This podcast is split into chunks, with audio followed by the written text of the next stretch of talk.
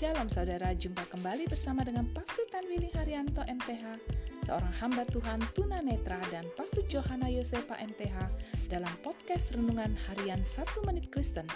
Di dalam podcast ini, kami membagikan kebenaran dari Alkitab yang dimulai dari kitab kejadian sampai kitab wahyu. Selamat menikmati.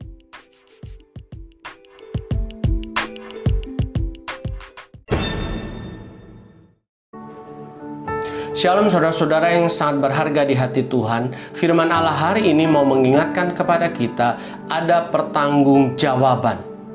Setelah selesai pembuatan kemah pertemuan, maka Musa membuat laporan pertanggungjawaban kepada umat Allah pada waktu itu.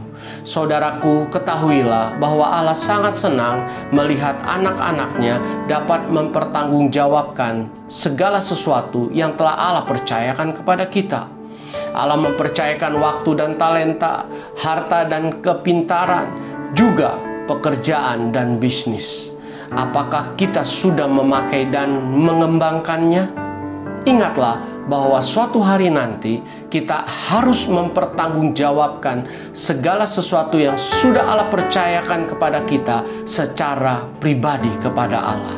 Untuk itu, jadilah anak-anak Tuhan yang dapat mempertanggungjawabkan segala sesuatu yang telah Allah percayakan kepada kita untuk kemuliaan Allah. Amin.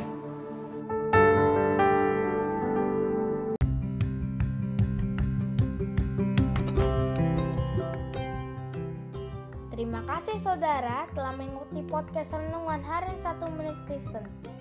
Doa kami Kiranya kebenaran yang saudara terima akan membuat saudara semakin berakar di dalam Tuhan dan bertumbuh dan berbuah lebat di dalam Tuhan. Tuhan Yesus memberkati.